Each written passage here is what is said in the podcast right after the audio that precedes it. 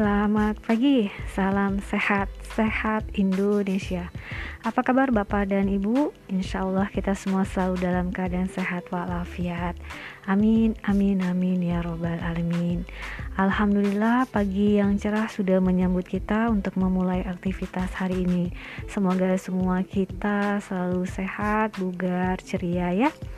Baik Bapak dan Ibu, pada kesempatan kali ini perkenalkan saya Armawati dari Direktorat Mutu dan Akreditasi Pelayanan Kesehatan yang pada pagi ini untuk satu jam ke depan akan menemani Bapak dan Ibu untuk menjelajahi dunia perakreditasian puskesmas khususnya yang terkait dengan standar bab 5 yaitu kepemimpinan dan manajemen UKM.